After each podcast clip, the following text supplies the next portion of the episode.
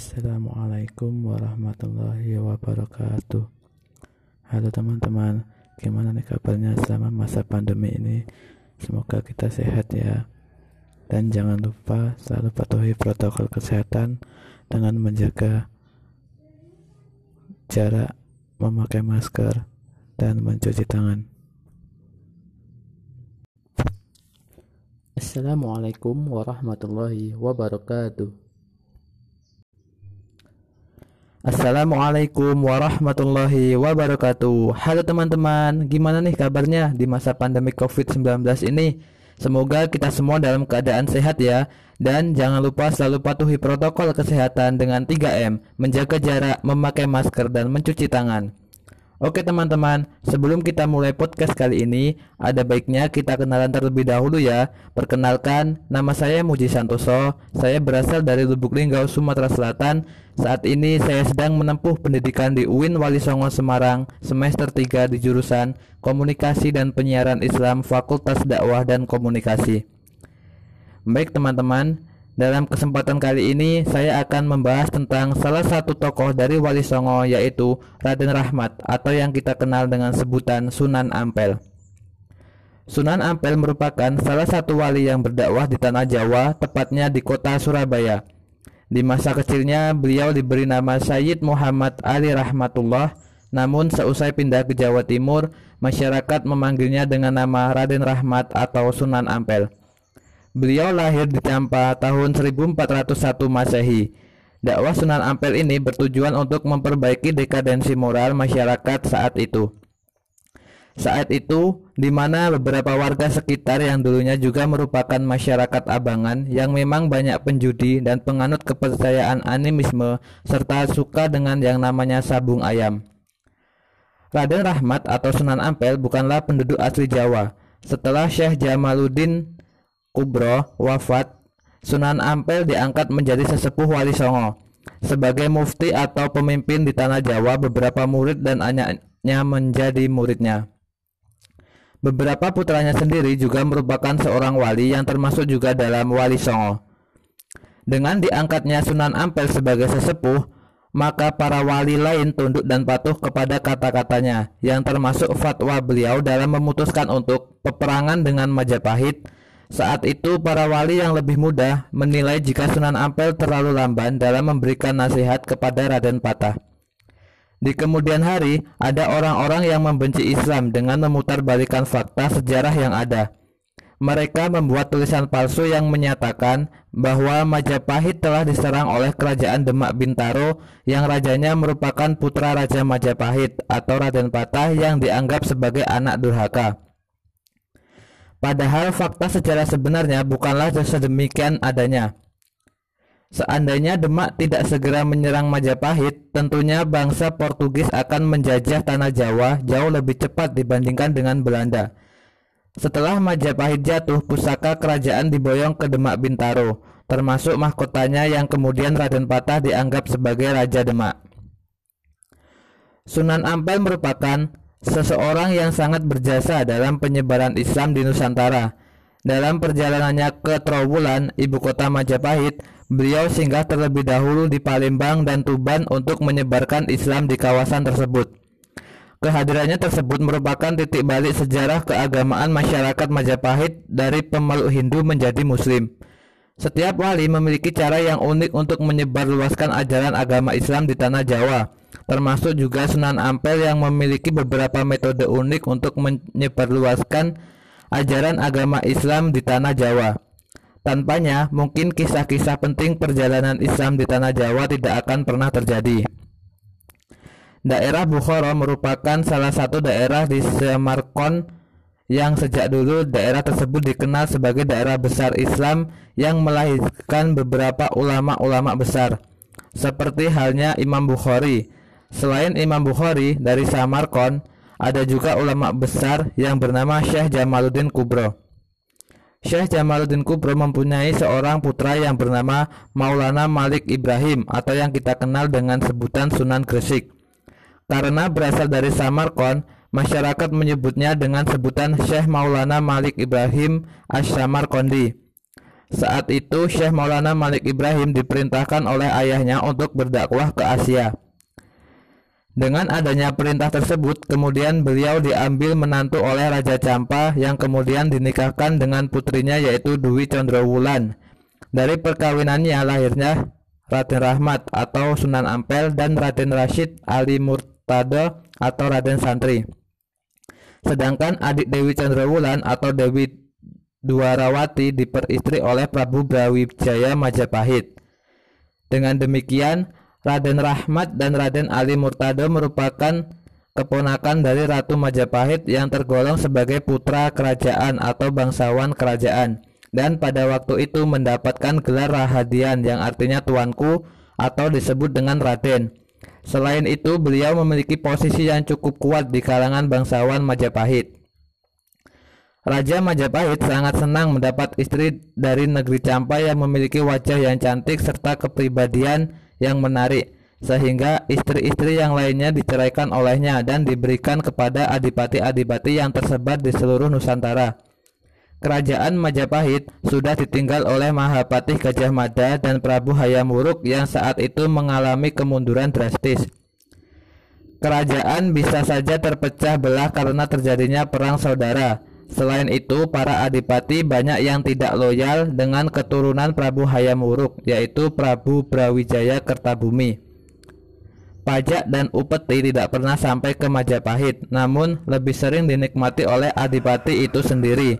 Hal ini membuat sang Prabu bersedih. Terlebih lagi, dengan adanya kebiasaan buruk para bangsawan dan para pangeran yang suka berpesta dan bermain judi serta mabuk-mabukan, Prabu Brawijaya Majapahit sadar betul jika kebiasaan ini masih terus berlanjut, negara atau kerajaan menjadi lemah. Dan apabila kerajaan sudah kehilangan kekuasaan, dengan mudah musuh masuk dan menghancurkan kerajaan. Karena istri dari Prabu Brawijaya Majapahit khawatir dengan kondisi suaminya, ia memberikan saran kepada suaminya bahwa ia mempunyai seorang keponakan yang ahli mendidik dalam hal untuk mengatasi kemerosotan budi pekerti yang bernama Raden Rahmat atau Sunan Ampel. Dan pada tahun 1443 Masehi, beliau datang ke tanah Jawa untuk menemui bibinya Drau Assalamualaikum warahmatullahi wabarakatuh. Halo teman-teman, gimana nih kabarnya di masa pandemi COVID-19 ini? Semoga kita semua dalam keadaan sehat ya. Dan jangan lupa selalu patuhi protokol kesehatan dengan 3M Menjaga jarak, memakai masker, dan mencuci tangan. Oke teman-teman, sebelum kita mulai podcast kali ini Ada baiknya kita kenalan terlebih dahulu ya. Perkenalkan, Nama saya Muji Santoso, saya berasal dari Lubuk Linggau, Sumatera Selatan. Saat ini saya sedang menempuh pendidikan di UIN Wali Songo Semarang, semester 3 di jurusan Komunikasi dan Penyiaran Islam Fakultas Dakwah dan Komunikasi. Baik teman-teman, dalam kesempatan kali ini saya akan bahas tentang salah satu tokoh dari Wali Songo, yaitu Raden Rahmat atau yang kita kenal dengan sebutan Sunan Ampel. Sunan Ampel merupakan salah satu wali yang berdakwah di tanah Jawa, tepatnya di kota Surabaya. Di masa kecilnya beliau diberi nama Sayyid Muhammad Ali Rahmatullah. Namun seusai pindah ke Jawa Timur, masyarakat memanggilnya dengan nama Raden Rahmat atau Sunan Ampel. Beliau lahir di Campa tahun 1401 Masehi. Dakwah Sunan Ampel ini bertujuan untuk memperbaiki dekadensi moral masyarakat saat itu di mana beberapa warga sekitar yang dulunya juga merupakan masyarakat abangan yang memang banyak penjudi dan penganut kepercayaan animisme serta suka dengan yang namanya sabung ayam. Raden Rahmat atau Sunan Ampel bukanlah penduduk asli Jawa. Setelah Syekh Jamaluddin Kubro wafat, Sunan Ampel diangkat menjadi sesepuh Wali Songo. Sebagai mufti atau pemimpin di tanah Jawa, beberapa murid dan anaknya menjadi muridnya. Beberapa putranya sendiri juga merupakan seorang wali yang termasuk juga dalam Wali Songo. Dengan diangkatnya Sunan Ampel sebagai sesepuh Wali Songo, maka para wali lain tunduk dan patuh kepada kata-katanya, yang termasuk fatwa beliau dalam memutuskan untuk peperangan dengan Majapahit, Saat itu, para wali lain yang lebih muda menilai jika Sunan Ampel terlalu lamban dalam memberikan nasihat kepada Raden Patah. Di kemudian hari, ada orang-orang yang membenci Islam dengan memutarbalikkan fakta sejarah yang ada. Mereka membuat tulisan palsu yang menyatakan bahwa Majapahit telah diserang oleh kerajaan Demak Bintaro yang rajanya merupakan putra Raja Majapahit yang bernama Raden Patah yang dianggap sebagai anak durhaka. Padahal fakta sejarah sebenarnya bukanlah demikian adanya. Seandainya Demak tidak segera menyerang Majapahit, tentunya bangsa Portugis akan menjajah tanah Jawa jauh lebih cepat dibandingkan dengan Belanda. Setelah Majapahit jatuh pusaka kerajaan diboyong ke Demak Bintaro, termasuk mahkotanya yang kemudian Raden Patah dianggap sebagai Raja Demak. Sunan Ampel merupakan seseorang yang sangat berjasa dalam penyebaran Islam di Nusantara. Dalam perjalanannya ke Trawulan, ibu kota Majapahit, beliau singgah terlebih dahulu di Palembang dan Tuban untuk menyebarkan Islam di kawasan tersebut. Kehadirannya tersebut merupakan titik balik sejarah keagamaan masyarakat Majapahit dari pemeluk Hindu menjadi Muslim. Setiap wali memiliki cara yang unik untuk menyebarluaskan ajaran agama Islam di tanah Jawa, termasuk juga Sunan Ampel yang memiliki beberapa metode unik untuk menyebarluaskan ajaran agama Islam di tanah Jawa. Tanpanya, mungkin kisah-kisah penting perjalanan Islam di tanah Jawa tidak akan pernah terjadi. Daerah Bukhara merupakan salah satu daerah di Samarkand yang sejak dulu daerah tersebut dikenal sebagai daerah besar Islam yang melahirkan beberapa ulama-ulama besar seperti halnya Imam Bukhari. Selain Imam Bukhari dari Samarkand, ada juga ulama besar yang bernama Syekh Jamaluddin Kubro. Syekh Jamaluddin Kubro mempunyai seorang putra yang bernama Maulana Malik Ibrahim atau yang kita kenal dengan sebutan Sunan Gresik. Karena berasal dari Samarkand, masyarakat menyebutnya dengan sebutan Syekh Maulana Malik Ibrahim As-Samarkandi. Saat itu, Syekh Maulana Malik Ibrahim diperintahkan oleh ayahnya untuk berdakwah ke Asia. Dengan adanya perintah tersebut, kemudian beliau diambil menantu oleh Raja Campa yang kemudian dinikahkan dengan putrinya yaitu Dewi Chandrawulan dari perkawinannya lahirlah Raden Rahmat atau Sunan Ampel dan Raden Rashid Ali Murtado atau Raden Santri.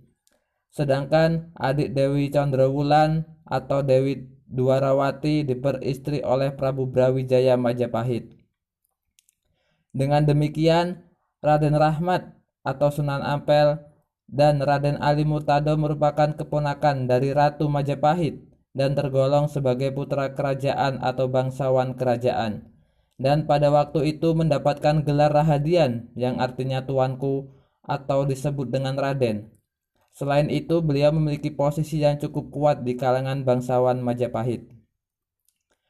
Raja Majapahit sangat senang mendapat istri dari negeri Campa yang memiliki wajah yang cantik serta kepribadian yang menarik, sehingga istri-istri yang lainnya diceraikan olehnya dan diberikan kepada adipati-adipati yang tersebar di seluruh Nusantara kerajaan Majapahit sudah ditinggal oleh Mahapatih Gajah Mada dan Prabu Hayam Wuruk yang saat itu mengalami kemunduran drastis. Kerajaan bisa saja terpecah belah karena terjadinya perang saudara. Selain itu, para adipati banyak yang tidak loyal dengan keturunan Prabu Hayam Wuruk, yaitu Prabu Brawijaya Kertabumi. Pajak dan upeti tidak pernah sampai ke Majapahit, namun lebih sering dinikmati oleh adipati itu sendiri. Hal ini yang membuat sang Prabu bersedih. Terlebih lagi dengan adanya kebiasaan buruk para bangsawan dan para pangeran yang suka berpesta dan bermain judi serta mabuk-mabukan. Prabu Brawijaya Majapahit sadar betul jika kebiasaan ini masih terus berlanjut, negara atau kerajaan menjadi lemah. Dan apabila kerajaan sudah kehilangan kekuasaan, dengan mudah musuh masuk dan menghancurkan kerajaan tersebut. Karena istri dari Prabu Brawijaya Majapahit khawatir dengan kondisi suaminya, ia memberikan saran kepada suaminya bahwa ia mempunyai seorang keponakan yang alim mendidik dalam hal untuk mengatasi kemerosotan budi pekerti yang bernama Raden Rahmat atau Sunan Ampel. Dan pada tahun 1443 Masehi, beliau datang ke tanah Jawa untuk menemui bibinya Dwarawati. Kedatangan Sunan Ampel ke tanah Jawa tidak sendiri. Beliau ditemani oleh ayahnya Syekh Jamaluddin Kubro dan kakaknya Sayyid Ali Murtado. Kemudian mereka terpisah dalam menjalankan misi dakwahnya yang mana Syekh Jamaluddin Kubro berada di tanah Jawa Sayyid Ali Murtado berada di Samudra Pasai dan Raden Rahmat atau Sunan Ampel di Champa, Vietnam Selatan. Kemudian Sunan Ampel melanjutkan perjalanannya ke Majapahit. Sesampainya di sana, beliau disambut gembira oleh bibinya dan raja. Raja Majapahit memintanya untuk mendidik rakyat jelata dan para bangsawan agar memiliki budi pekerti yang mulia dan saat itu pula beliau menyanggupi permintaan dari Raja Majapahit tersebut. Menurut beberapa sejarah, beliau menetap tinggal beberapa hari di Istana Majapahit hingga beliau dijodohkan dengan salah satu putri Majapahit yaitu Dewi Chandrawati. Dengan demikian, disebutkan kalau Raden Rahmat juga merupakan menantu dari Raja Majapahit atau salah seorang pangeran yang kemudian beliau lebih dikenal dengan nama Raden Rahmat atau Sunan Ampel. Metode dakwah yang dilakukan oleh Sunan Ampel memang sangat berbeda dengan wali yang lain. Metode dakwah dengan masyarakat kelas menengah ke bawah dilakukan dengan pembaruan dan pendekatan. Sedangkan ketika menghadapi orang-orang yang cerdik dan cendikia dengan pendekatan intelektual dan penalaran logis. Beberapa para wali lainnya rata-rata menggunakan metode dakwah dengan menggunakan pendekatan seni dan budaya sebagai media dakwahnya. Namun, Sunan Ampel lebih memilih menggunakan pendekatan intelektual dengan memberikan pemahaman wacana intelektual dan diskusi cerdas, kritis, dan diterima oleh akal manusia. Pada dasarnya, urgentitas budaya sebagai media dakwah alternatif memang tidak bisa untuk dibantah dan dilupakan. Karena sejarah juga membuktikan bahwa pendekatan kultur budaya yang dimainkan Sunan Kalijaga berhasil membuat ketertarikan tersendiri bagi masyarakatnya. Namun, pendekatan kultur budaya dinilai lebih relevan pada kalangan masyarakat kelas menengah. Sedangkan untuk objek intelektual kelas atas dinilai pas dengan menggunakan jalur yang ditempuh oleh Sunan Ampel. Meski terlihat tersekat-sekat antara masyarakat kelas atas dan bawah, Hal tersebut tetap bisa tercapai karena beliau merupakan dai yang mempertaruhkan hidupnya untuk mengayomi umat. Selain itu, beliau tetap independen dan konsisten dengan posisinya sebagai ulama karena memang beliau tidak pernah menggunakan alat atau media apa pun untuk kendaraan dakwahnya. Walaupun demikian, Inilah keunikan metode dakwah dari Sunan Ampel. Selain itu, metode dakwahnya dikenal dengan istilah moh limo. Falsafah dakwah Sunan Ampel adalah untuk memperbaiki kerusakan akhlak masyarakat yang terjadi saat itu. Dakwah yang dibawakan olehnya dikenal dengan sebutan mohmo atau mohlimo, artinya tidak mau melakukan lima hal yang dilarang oleh agama seperti halnya moh mabuk, moh main, moh wadon, moh madat, dan moh maling. Moh mabuk artinya tidak mau untuk melakukan mabuk dengan meminum homer atau minuman keras. Moh main artinya tidak mau main untuk melakukan permainan judi, sabung ayam, togel, dan lain-lain. Moh wadon artinya tidak mau untuk melakukan zina, homoseks, lesbian. Mohmadat artinya tidak mau memakai narkoba dan mohmaling artinya tidak mau mencuri dan sejenisnya. Dengan ajaran tersebut, Prabu Brawijaya sangat senang dengan hasil didikan dari Sunan Ampel. Raja menganggap bahwa ajaran agama Islam merupakan budi pekerti yang mulia Saat Sunan Ampel mengumumkan ajarannya adalah Islam, raja tidak marah. Namun sayangnya, raja tidak mau masuk Islam dengan alasan ingin menjadi raja Buddha terakhir di Majapahit. Saat itu pula Sunan Ampel diizinkan untuk menyiarkan agama Islam di wilayah Surabaya, bahkan di seluruh wilayah kerajaan Majapahit. Hal tersebut tentunya dengan catatan bahwa rakyat tidak boleh dipaksa. Kemudian Sunan Ampel memberikan penjelasan bahwa tidak ada paksaan sama sekali dalam beragama. Pada hari yang telah ditentukan, kemudian berangkatlah rombongan Sunan Ampel ke sebuah desa Surabaya yang kemudian disebut dengan Ampel Denta. Rombongan tersebut melalui desa Krian Wonokromo hingga memasuki Kembang Kuning.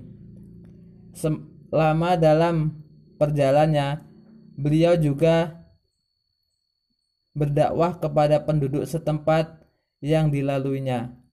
Cara berdakwah yang dilakukan saat itu cukup unik, yaitu beliau membuat kipas yang berasal dari anyaman rotan.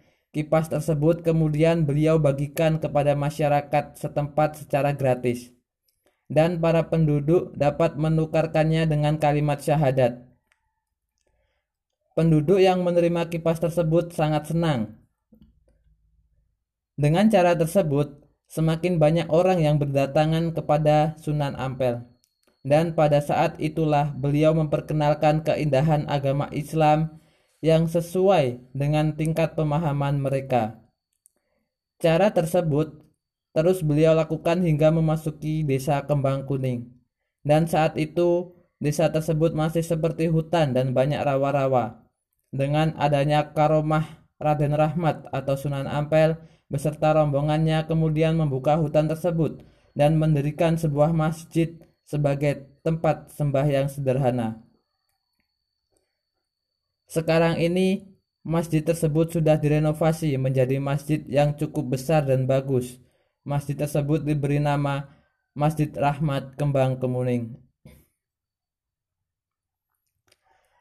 Di tempat tersebut, Raden Rahmat atau Sunan Ampel bertemu dan berkenalan dengan dua tokoh masyarakat, yaitu Ki Waryo Sarojo dan Ki Bang Kuning. Kedua tokoh tersebut dan keluarganya masuk Islam dan menjadi pengikut Sunan Ampel. Dengan adanya kedua tokoh tersebut membuat semakin mudah Sunan Ampel untuk melakukan pendekatan kepada masyarakat, terutama kepada masyarakat yang masih memegang teguh adat kepercayaan lama. Beliau tidak langsung melarang mereka, melainkan memberi pengertian sedikit demi sedikit tentang pentingnya ajaran ketauhidan. Jika mereka sudah memahami ajaran tauhid, maka dengan sendirinya mereka akan meninggalkan kepercayaan lama yang bertentangan dengan Islam. Sesampainya di tempat tujuan, pertama kali yang mereka lakukan adalah membangun sebuah masjid sebagai pusat kegiatan ibadah. Dan karena menetap di Ampel Denta dan menjadi penguasa di daerah tersebut, kemudian beliau dikenal sebagai Sunan Ampel. Setelah itu, Beliau juga mendirikan pesantren sebagai tempat untuk mendidik putra bangsawan. Nah, teman-teman, itulah tadi pembahasan tentang salah satu tokoh Wali Songo yaitu Raden Rahmat atau yang kita kenal dengan sebutan Sunan Ampel. Semoga dapat bermanfaat dan menambah wawasan kita dalam memahami tokoh-tokoh penyebar agama Islam di tanah Jawa. Demikian podcast yang dapat saya sampaikan. Semoga dapat bermanfaat bagi kita semua. Sampai ketemu di lain waktu. Wassalamualaikum warahmatullahi wabarakatuh.